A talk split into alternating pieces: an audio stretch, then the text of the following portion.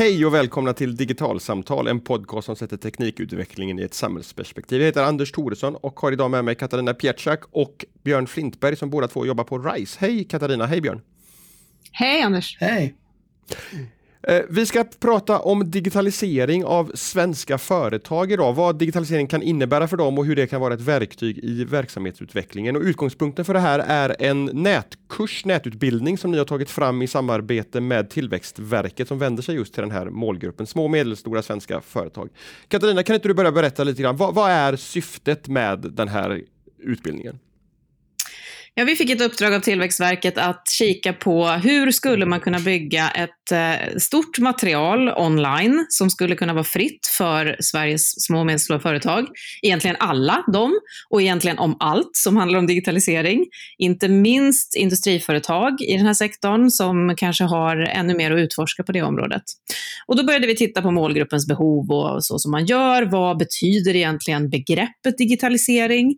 Och terminologi och begrepp är överhuvudtaget någonting som man kommer i kontakt med väldigt snabbt när man jobbar med något sånt här. Även begreppet utbildning. För vi är ju ganska många som har uppfattningen om att utbildning är en kurs som är ganska kronologisk och ganska analog kanske i många fall. Eh, vi ville bygga en slags kunskapsdatabas kan man väl säga, med ett material som eh, kan hjälpa dig att både bli inspirerad och få tips och få ökad kunskap på olika nivåer. Så vi kallar det idag för ett kunskapsmaterial. Och inte utbildning alltså, som jag valde att göra? Nej, det har varit en, en lång process att försöka komma vidare från det. Och det är också för att försöka förflytta sinnet lite grann mot vad är det digitaliseringen öppnar för möjligheter?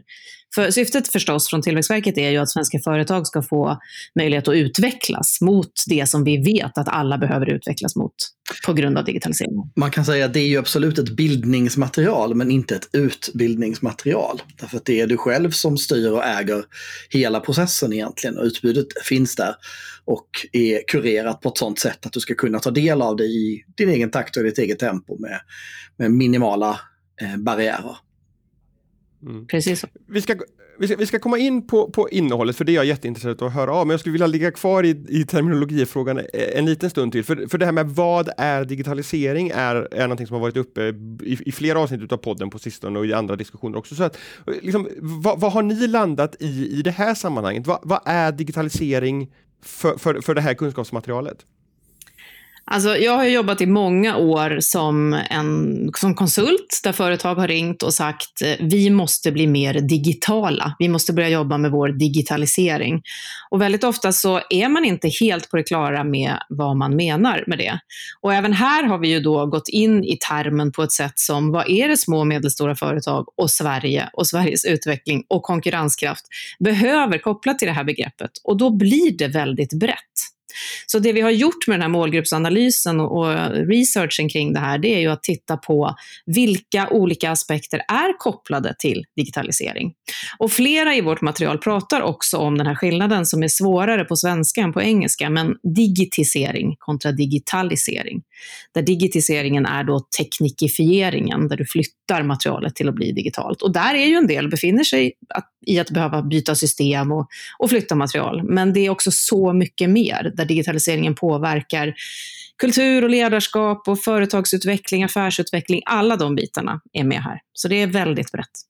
Mm, man kan säga att, att förändra verktygen, eh, hårdvara, mjukvara och så vidare, det är ju bara det allra första steget. Och sen kommer ju hela den här biten med processer och relationer och organisation. Och först när man så att säga har nått dit, det är ju då den verkliga förnyelsen börjar. Det är då man verkligen kan tänka på helt nya sätt och hitta helt nya metoder som man inte tidigare kunde. Så att det, det är, det är en del som ofta glöms bort och som är väldigt viktig att förstå. Att det inte bara handlar om prylarna. Nej, men om jag får lägga till, så jag, för några år sedan då, som jag sa, när jag jobbade med sådana här frågor inne i en mängd olika företag, då upplevde jag att det var fortfarande väldigt mycket på verktygsnivå. Kom man till någon form av utbildning eller utvecklingsinsats då, då frågade man väldigt mycket efter vilka verktyg ska vi använda, vilka plattformar ska vi använda, vad behöver vi kolla, hålla koll på när det gäller teknikutveckling. Och under de här åren sedan dess så tycker jag ändå att fler och fler har börjat förstå att just den här förnyelsen som Björn pratar om innebär så mycket annat också. Så det är lite roligt i det här materialet att vi har kunnat bekräfta att den utvecklingen har skett. Men, men, det låter lite grann som att det handlar om att, att antingen utgå ifrån att ja, men de här verktygen har vi, vad kan vi bygga med hjälp av dem? Eh, som är liksom det, det, teknikdrivna sättet då, eller att fundera på, men vi har den här verksamheten, hur ska vi utveckla den? Vad behöver vi göra för att fortsätta vara konkurrenskraftiga och sen hitta de digitala verktyg eller andra verktyg som kommer hjälpa mig som företagsledare, som, som chef att utveckla verksamheten så att vi kommer finnas kvar om fem eller tio år. Jag tror att det, jag tror att det är en jätteviktig sak som du lyfter fram där Anders, just att, att, eh, att utgå från verksamhetens behov eh, tror jag är, är särskilt viktigt därför att det, det finns ju naturligtvis i, i en miljö som är så snabbväxande och som är så föränderlig som den teknikutveckling vi befinner oss i, så är det ju inte alltid så lätt att, att hitta rätt och vi får också mycket frågor om just vilket verktyg eller vilken metod ska jag välja. Eh, och, och, när jag får frågan så brukar jag alltid försöka svara med att det beror på vilken verksamhet du har. Man alltid måste utgå från den verksamhetens förutsättningar och behov för att du ska ju fortfarande vara relevant för dina kunder, du ska fortfarande vara relevant för dina leverantörer och du ska fortfarande vara relevant för din personal och din ägare och så vidare. Och Det är ju någonting som fortfarande är, är sant även om mycket annat kommer att förändras med hjälp av det här paradigmskiftet som digitalisering innebär. Mm. Det kan du höra Björn prata så fint om i det här utvecklingsmaterialet eller kunskapsmaterialet. Men jag skulle också just vilja lägga till det som du var inne på där Björn, att ännu mer än verksamhetens behov, och det här är en stark vinkel i vårt material, så, är det ju, så har ju entreprenörer alltid behövt tänka, nämligen på marknadens, eller kundernas, eller omvärldens, eller brukarnas behov. Och det är det väldigt många som, som tar fasta på i det här materialet. Att om du ska klara dig och bli konkurrenskraftig och gå vidare i den här digitaliserade världen, så behöver du ännu starkare fokus på det här. Och då blir det det här utifrån perspektivet som sen ger dig vad behöver du göra med din verksamhet. Och sen då, åt andra hållet, vad behöver jag då för teknik för att klara det? Vilket ut, utifrån perspektiv då menar du Katarina? Kan du utveckla den tankegången? Ja, jag menar att det finns, jag tycker mig ha sett väldigt många tidigare genom åren som ändå arbetar just utifrån verksamhetens behov mer än utifrån sina kunders behov eller affären där ute, de behoven. Eh, vi pratar ju mycket om att de som idag försöker göra om sin affär för att den ska matcha den digitala logiken, de behöver ju verkligen vara ute. Det finns till och med i vårt material att du behöver tänka på det som ett äktenskap med din kund. Att du verkligen förstår kundens behov, du förstår vad den har för krav som har utvecklats på grund av den här digitaliserade världen. Du förstår att det finns beteenden som har förändrats. Det är ju ett annat perspektiv att ta avstamp i än att utgå ifrån vår verksamhet och vår organisation och vad har vi för behov. De kommer ju sen. De behöver ju ställa om utifrån marknadens behov. Men det, du börjar där ute. Och det är ganska avgörande i den här snabba förändliga världen. Men, men då tycker jag det låter det återigen lite grann som att, att det handlar inte om att nödvändigtvis jobba med digitalisering här, utan man måste börja i ett helt annat skede. Även om det är mycket digitalisering som förändrar omvärlden så är det ändå omvärlden som, som total som är där man behöver ta sin, sin utgångspunkt i den här förändringsresan, utvecklingsarbetet man som företagare behöver göra. Definitivt. Och jag, det här, Ibland Ibland har jag fått frågan om vad, vad är det som gör att du är så fascinerad av det här, Katarina, som person. Och då tycker jag att det är just det här, därför att det du hamnar i med nästan alla företag när du jobbar med de här frågan, det är en, det är en existentiell fråga. Varför finns vi? Vad är vårt bidrag till utvecklingen här i världen? Varför behöver vi varandra? Och det är utgångspunkten. Ska man, ska, man ska sätta det lite grann i en historisk kontext, jag tror att det är viktigt att förstå också att den här förändringen som vi pratar om, då, att börja med omvärlden och titta på var är jag, vilken relevans har jag, och sådär, det är ju en del av digitaliseringen. Det är, inte, det är inte istället för, för att det är en väldigt viktig komponent. Och det gäller egentligen för varje sånt här stort paradigmskifte, Eh, eh, om man tittar då bak till tiden, till exempel på industrialiseringen. Det var ju samma typ av frågeställningar där. Hur blir vi relevanta i en värld där ångmaskinen finns, säger segelfartygsrederierna. Hur, hur fungerar det? Och den frågan kommer att återkomma för många företag. Förhoppningsvis eh, så är det många som har börjat resan. Men för de som ännu inte har gjort det så tror jag att det är en jätteviktig fråga att ställa sig. Vem vill vi vara i framtiden? I intervjuer som jag har gjort på, på sistone så, så kommer den här kompetensfrågan upp väldigt mycket. Att, att jag som företagare, om jag jobbar med tillverkning utav, utav skruvar eller jag är ett, ett, en målerifirma eller vad det kan vara, att, att förstå ändå hur är teknikutvecklingen relevant för mig? Eh, i, i mitt företagande. För att förstår jag inte det så kommer jag inte kunna förhålla mig till den här omvärldsutvecklingen som du pratar om Katarina. Och jag kommer heller inte förstå hur, kommer, hur kan jag förändra sättet som jag gör affärer på, som jag har mina kundkontakter och så vidare på. Och förstår jag inte det så blir jag också ett lätt offer för, för säljare som kommer och komma och snacka, snacka ner mig och sälja på mig lösningar som kanske är jättebra fast inte för mig. Är, är, är det här liksom ett, ett resonemang som, som ni känner igen i arbetet med det här bildningsmaterialet? Oh ja, väldigt mycket. Eh, och vi har det också uppe. Och just den här kompetensbehoven och, och skriande behoven på många håll av att hur ska vi kunna matcha kompetens och var ska vi ens börja ta in? Hur vet vi vad, vad vi behöver ta in? Det förekommer eh, frekvent i materialet. Och det, det här är ju varför man pratar mycket om eh, det som på engelska heter explorers mindset. Alltså att du behöver eh, hitta sätt att ständigt utforska. Och varför den här frågan, vilka verktyg ska vi använda, inte är applicerbar över tid. Den är inte hållbar, därför att det du behöver göra är att skapa organisationer som är konstant lärande. Och du behöver också som individ inom de här organisationerna ta ansvar för att lära dig själv konstant. Det finns en mängd sådana modord som florerar just nu. Livslångt lärande, lärande organisation, utforskande, growth mindset. Alla de indikerar just det här. Att du behöver förstå relevansen och därför behöver du hela tiden utforska. Det är ju ganska ansträngande för oss som människor och organisationer att göra det. Uh, in, innan vi kommer in på, på det faktiska innehållet som jag är jättenyfiken på så, så har jag en fråga till om liksom mer på konceptuell nivå, generell nivå om digitalisering. Finns det liksom, har, har ni upptäckt i ert arbete, finns det någon, liksom, någon nedre gräns för hur liten man kan vara och, och, och därmed också känna att nej, så här, jag är så liten så digitaliseringen påverkar inte mig eller jag finns i en bransch som digitaliseringen inte kommer förändra, därför kan jag strunta i, i de här frågorna. Eller, eller är det här någonting som faktiskt påverkar oss alla som, som företagare. Det påverkar alla, tveklöst. Alla branscher, alla människor. Var... Eh, både på företagsnivå och på individnivå varför finns det inga företag, inga branscher som är undantagna från det här? Om du är, om du är en möbelsnickare eller en, en, en målare, vad, vad, vad, är det som digitaliseringen gör med min verksamhet då? Alltså du, det beror på vilket perspektiv man är. Det är klart att vissa förändras fundamentalt och vissa förändras kanske lite grann. Men på samma sätt som det finns en, en eh, över 90 i penetration av internet idag i samhället så, så är det svårt för en individ idag att säga att man inte är berörd alls av digitaliseringen. Det är väldigt få människor som är det. Och på samma sätt så är det väldigt svårt för alla företag. Eh, en, en enkel eh, säljare eller ja, vad ska jag säga, en knalle som säljer varor kommer att ha Swish och kanske Izettle eller någon andra varumärken naturligtvis. Eh, för det. Eh, målaren kommer kanske att vilja kolla upp via digitala verktyg färgmatchning. Om vi nu skulle ta målaren som exempel. Kanske hålla kontakt med sina kunder och marknadsföra sin verksamhet i sociala medier. Kanske ha ett elektroniskt system för bokföring och kvittohantering.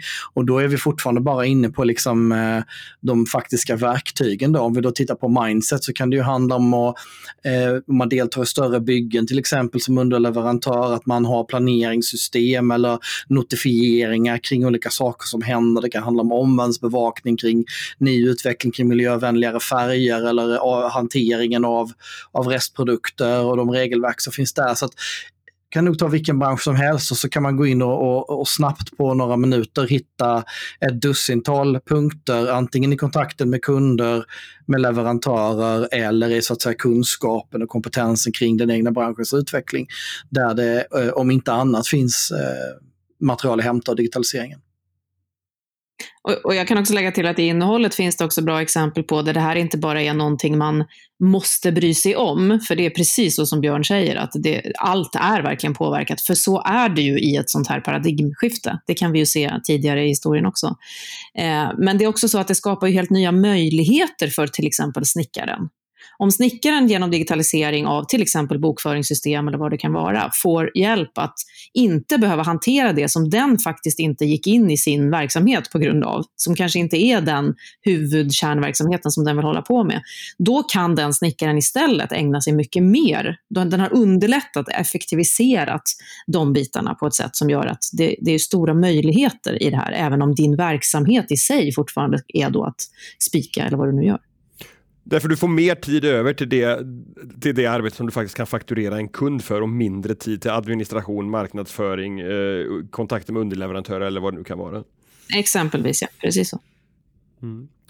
In, innehållet då? Vad, vad, vad är det som man som företagare kommer kunna lära sig i det här kunskapsmaterialet som ni har tagit fram? Ja, som jag sa så började det då med, eh, vad då inom digitalisering? Jo, gärna allt. Och för vem då? Jo, gärna för alla. Det är ett enormt brett uppdrag. Eh, så dels byggt förstås på vår erfarenhet och kompetens inom digitalisering och lärande men, på RISE hos oss, men också på den målgruppsanalys som vi gjorde. Så har vi försökt sortera in det här då eh, i det som har blivit 12 olika områden och som spänner i allt från teknikutvecklingen. Vad är det för tekniker just nu som man man bör försöka utforska, som, vi, som verkar påverka allra mest, till hur påverkas ditt ledarskap? Och sen har vi försökt dela in det här i, i olika nivåer så att du kan få dig bas, baskunskap till livs. Och då är det på en nivå i små korta avsnitt med både rörligt material och text där du, ja det här är grunden, försök nosa på det här. Och sen att du då ska kunna fördjupa dig och gå vidare inom varje ämne, ämnesområde och avsnitt.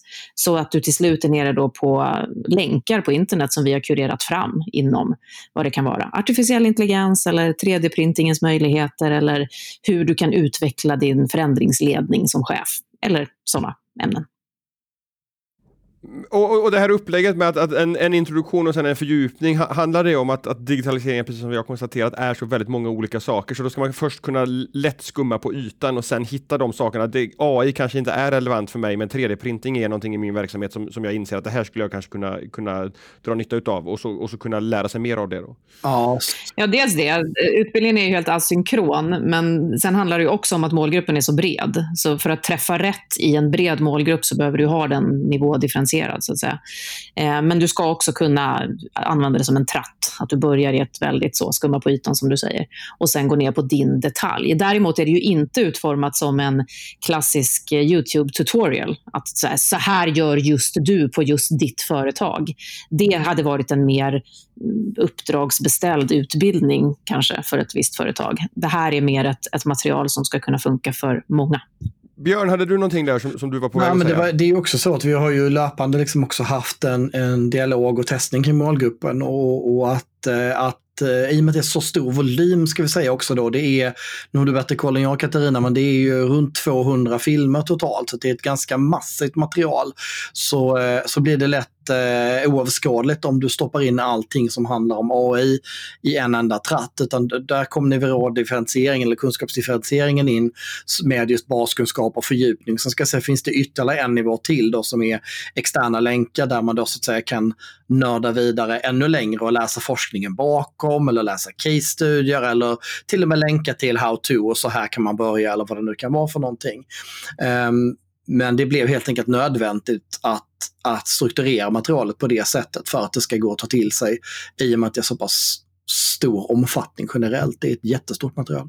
Ja, det är över 200 filmer nu eh, i, i materialet därför att vi hittar hela tiden nya intressanta vinklar i det. Men det är också så att med vår eh, när vi, vi har ju kunskap om både pedagogik och lärande och också om hur människor tar till sig material. Och även där kommer det här differentieringen in, eller nivåfördjupningen. För vissa människor vill verkligen ta del, ganska många vill ta del av mycket och brett och inte så väldigt djupt, lite mer på ytan. Och sen är det en viss del inom varje ämne som vill gå lite djupare och gärna vara med och tycka och tänka om det så. Och sen har vi en nivå som verkligen vill gå ner på forskningsnördig nivå, så får vi säga, för vi jobbar på RISE. Eh, och där, så vi har försökt tänka även kring det och det som Björn också tidigare nämnde, att det ska vara så lite barriärer som möjligt. Så det är ganska mycket tänk bakom hur det här ska bli något som någon vill ta del av och kan lära av. Så att det inte blir någon e-learning som bara ligger där ute. Det är vår stora då, fråga. Då tänker jag kroka i en fråga där med en gång som jag hade tänkt ta lite senare och det är ju liksom det här att de här företagen som vi pratar om, de här företagarna, det, det är eh, många gånger, alltså de, de har fullt upp med kundleveranser i högkonjunktur och fullt upp med att överleva i, i lågkonjunktur. Hur ska ni nå ut till dem? Hur ska ni övertyga dem om att digitalisering är någonting som de faktiskt behöver prioritera, både i form av tid och resurser, därför att det handlar om en, att, att skapa den här långsiktigheten i det man håller på med? Jag tror att det handlar mycket om att fånga intresset naturligtvis. Dels handlar det om vilka kanaler vi, vi ska försöka få ut det här materialet. Um, och där har vi ju tagit en del hjälp därför att förutom att materialet då ligger samlat i den här plattformen på Dags att digitalisera som um, som gör att man kan, kan spara hur långt man har kommit och favoritmarkera och lite sådär. Man kan även göra lite små idéer, samla sina egna idéer och tankar man får under vägens gång. Men dessutom så kommer materialet att, eh, alla filmerna att finnas separat tillgängliga på Youtube. Eh, och alla filmer är försedda med en Creative Commons-licens så att det är fritt att dela dem och fritt att använda dem. Och Det är också en del i det här tänket med att skapa så få barriärer som möjligt. Det ska vara så lätt som möjligt att ta del av, det ska krävas så lite som möjligt. Filmerna är väldigt korta, det är två, tre, fyra minuter vi pratar om oftast. Eh, och hellre, hellre då fler filmer, att man kan nörda vidare om man tycker det är intressant. Så vi försökte bygga det på eh, dels på den forskning som finns kring hur länge folk eh, håller upp uppmärksamheten, tittar på video på nätet eller mobilen. Eh, men också utifrån att vi vet att det här är människor som har en väldigt stressig och pressad arbetsdag. Och då ska det vara lika lätt att eh, springa på något av våra avsnitt som kanske en kollega eller bekant på Facebook eller i någon annan social mediekanal har delat och sagt åh det här var spännande och så har man taggat in sin, sin bekant som jobbar på, på industriföretag. Sagt, här handlar det om eh, log automatiserad logistik, är inte det någonting ni eh, snackade om? Och så är man inne i det och så hittar man därifrån vidare till nästa och så är man Eh, hittat någonting som är intressant. Och sen får ju innehållet i materialet eh, förhoppningsvis vara av sån karaktär att man tycker att det är både relevant och spännande att lyssna på. Mm. Jag, jag, har förstått att de här filmerna de innehåller inte bara personer som talar om så här kan ni göra utan det är, är också många case från företag som berättar så här gjorde vi. Va, vad har ni hittat för spännande exempel på hur digitalisering används för att utveckla svenska företag? Ja, där har vi också försökt tänka utifrån det här breda perspektivet då, så att vi började i industrin eftersom vi visste att där finns det mycket spännande små initiativ och det finns också många företag som vill och behöver inspiration från andra i det segmentet. Så där har vi hittat allt från företag som har kopplat upp digitalt hela champinjonodlingar eller de har utvecklat sin affär och håller på att skruva om den helt så att istället för att eh, vara ett företag som hämtar emballagerester och packar ihop dem och människor får betala för det, så flippar de affären så att det är en tjänst där du i princip får betalt för att du har ditt avfall på det sätt som avfallet ska vara. Genom att de kopplar upp sensorer, genom övervakningssystem, så kan vi hitta ett företag som har många effektiviseringsfördelar. Men vi har ju också besökt sådana som genom att de till exempel en en enskild frisör som satt på en liten ort i Sverige i en källare med en hyrd frisörstol. Startade sitt eget företag och idag genom de marknadsföringsmöjligheter som finns med hjälp av digitaliseringen har byggt ett slags, jag vet inte vad jag ska kalla det, skönhetsimperium som folk kommer till från halva Mellansverige. Så vi har försökt titta på en mängd olika aspekter också här när vi har letat upp eh, företag och, och case. Och det har varit oerhört spännande att titta på de här olika exemplen. För, för, det låter som, bara på den korta beskrivningen av de få, få, få exemplen som du kommer med här Katarina, att, att det finns, det borde finnas någonting för alla att, att hitta i det här och det handlar både om, om saker som, som jag inbillar mig är ganska stora investeringar i, i, i, tid och pengar när det handlar om att bygga upp sensorsystem och så vidare och, och mer lättillgängliga saker som man kan göra eh, mer här och nu. Så är det ju och, eh, och, och vår ambition är förstås att det ska finnas något för alla. Det är så vi har försökt tänka både pedagogiskt och, och på alla möjliga olika sätt. Eh, men vi har ju också försökt titta på, även om det är någonting som du kanske tror skulle vara en väldigt stor investering. Man pratar ju mycket om automatisering, det kostar ju pengar när du ska förändra hela sådana stora modeller. Men då har vi också försökt hitta företag, bland annat till exempel ett som ligger i Lindesberg som är med i, i eh, materialet. Eh, de gör delar till lastvagnar, till lastbilar, ett klassiskt industriföretag, de är ganska stora. Men det de har gjort är att de har satsat på ett sätt som vilket småföretag som helst skulle kunna göra. Så istället för att investera i en sån här jättestor process med dyr automatisering, så har de använt programmerare och kopplat upp varenda verktyg i hela fabriken. Så att sensorer ser när varje operatör tar ett verktyg, när den hänger tillbaka verktyget. Och på det sättet kan de få eh, både instruktioner till de här operatörerna som är enormt detaljerade, men också en överblick genom en miljon i budget tror jag de hade för programmering, så fick de en, en uppkopplad fabrik som, som hade kostat enormt mycket mer i automatisering. Så vi har verkligen försökt tänka på målgruppen också utifrån det perspektivet. Jag vet inte om jag svarade jo, på din fråga, men det var ett exempel som jag kom ja, på. Men, absolut, men, men, det låter också som, det, som det visar på det här att, att, att jobba med bilden av att digitalisering måste vara dyrt. Att, att visa att det behöver inte vara det, att man kan åstadkomma med mycket med ganska små medel. Yes, precis så. Eh, och att det är klart att när du väl är mogen och redo så finns det också enorma möjligheter om du har resurser i, i flera led framåt. Men det är inte det som är din begränsning oftast. Det är inte så att jag är det lilla företaget men jag har ingen budget för detta. Eh, där ligger nog inte den största delen av begränsningen för att alls röra sig mot en digitalisering. Nej, mycket av det mindset vi pratar om det är ju sånting som eh, handlar om hur vi jobbar och processer och så som inte har med själva tillverkningen att göra. Det kan handla om hur man marknadsför eller hur man planerar och samordnar sitt eget arbete. Jag menar, det finns ju gott om gratisverktyg om det är så. Bara för den typen av, av arbete där man kan förflytta en hel del eh, med hjälp av digitalisering. Så att, eh, att komma igång, det handlar bara om, om eh, att rätt idéer och, och rätt koppling till marknad och verksamhet. Mm. Björn, du var inne på att ni har också tänkt väldigt mycket kring hur, hur plattformen som sådan fungerar och, och, att det ska vara lätt att dela, man ska kunna eh, spara där man är och komma tillbaka och så vidare. Va varför hur, varför, är presenta varför blir presentationen och, och funktionen i, i plattformen som sådant en, en viktig del för dig?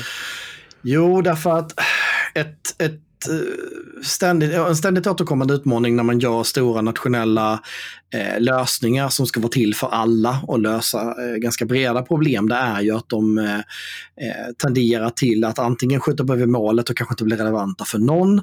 Och det har vi försökt adressera med mångfald till stor del eh, och med mycket bra gediget förarbete. Men också att man helt enkelt inte har tid att ta till sig allting och där har vi då redan pratat om att man klipper ner det här i ganska små bitar som ska gå och funka och det är mobil mobildrivet till stor del. Du kan sköta allting i mobilen. Då. Och det tredje vi har gjort är det här att även ta bort barriärerna för spridning. Och genom att möjliggöra den här spridningen både i plattformen där du kan dela enskilda avsnitt eller skapa favoriter så att säga så du lätt hittar tillbaka. Men också att du då kan direkt via Youtube-kanal eh, dela vidare materialet till andra så tror jag att vi kan öka spridningen på det. Så låg barriär och hög spridning, eh, det är jätteviktiga delar för det hela. Och sen när det gäller själva, vad ska vi kalla det, bildningsstödet i det här verktyget, alltså hur hjälper verktyget mig att lära mig någonting? Så är det så att i varje avsnitt så finns det videon, det finns en tillhörande text, det finns ett litet quiz eller en kunskapsrepetition ska man snarare säga. Den är mer till så att säga för att sammanfatta vad det var man har pratat om. Men det finns också en möjlighet att skapa egna idéer som man har fått. Så man kan anteckna ner dem så de sparas i verktyget om man vill. Eh, hela materialet är dock tillgängligt utan att skapa någon form av konto eller man måste registrera sig eller någonting. Och Det har varit en viktig faktor där också, att det ska inte kräva någonting av dig annat än en vilja att, och lära dig mer. Men för den som vill spara sina idéer eller som vill spara sin progression eller som vill lägga favoriter, då behöver vi såklart kunna associera det med någon form av användare och då, då behöver man eh, skapa ett enkelt konto för det. Och de här idéerna man sparar i det sammanhanget, de kan man sedan gå vidare och börja göra enkla handlingsplaner på. Vem ska göra det här? Hur ska det utföras och när ska det utföras? Eh, och så kan man eh, putta ut dem så att man kan skicka iväg dem eh, i en fil via mail till exempel eller få, få ut dem så att man kan skriva ut dem eller vad man nu vill göra med dem för att gå vidare in i, i vardagen så att säga. Vad har ni för förhoppningar på att eh, liksom det konkreta resultatet utav, utav det här blir? Vilka effektmål har ni? Ja, Ja, eh, ja, effektmålen är ju någon slags rörelse mot en digitalisering. Det är ett väldigt, väldigt stort, en stor effekt som skulle vara väldigt intressant att mäta i slutändan. Eh, något som, som jag har erfarit tidigare är att när man försöker stödja utveckling hos företag mot en mer digitaliserad tillvaro, vad nu det betyder för just det företaget, mot en mer innovativ kultur som får fram nya affärsmöjligheter och så vidare, så är det frustrerande Eh, för mig har det i alla fall varit frustrerande att gå in i många sådana här quick fix-processer, vilket ju är lätt att försöka ta till. En tredagars kurs där man försöker tända ett tomtebloss som brinner snabbt och kort och sen fortsätter verksamheten as usual. Eh, det här är en stor utmaning eftersom att, att ändra beteenden, som faktiskt är det som krävs för att det här ska ge effekt, är bland det svåraste som finns. Att ändra beteenden kräver enormt mycket medvetenhet och att någon håller i. Att skapa innovation kräver att man har andra KPI och andra mål, kanske vid sidan av de vanliga, som man sen kan implementera. De här processerna är ganska tuffa och svåra. Det är lättare att säga att vi tar en tre dagars kurs i digitalisering och sen har vi, är vi på rätt väg. Så Eh, förhoppningen för mig är i alla fall att det här ska bli någonting som man kan återvända till, som flera kan använda som reflektions och diskussionsunderlag, som hela organisationer kan samlas och prata om hur ska vi verkligen implementera det här i vår ordinarie verksamhet? Vad är det just vi behöver förstå? Vad är det just vi behöver utforska mer? Så att det blir någonting som mer finns med strukturellt längs vägen. Då, då återstår bara sista frågan. Var hittar jag som intresserad företagare den här resursen? Ja, när det här materialet eh, publiceras så kommer det att märkas och det kommer att återfinnas på dagsatdigitalisera.se. Dags att digitalisera.se håller vi ett öga på då. Björn och Katarina, stort tack för att ni var med i Digitalsamtal och pratade om svenskt näringslivs digitalisering. Tack så mycket. Tack snälla. Och till er som lyssnar på det här, vi hörs igen om en vecka. Hej så länge.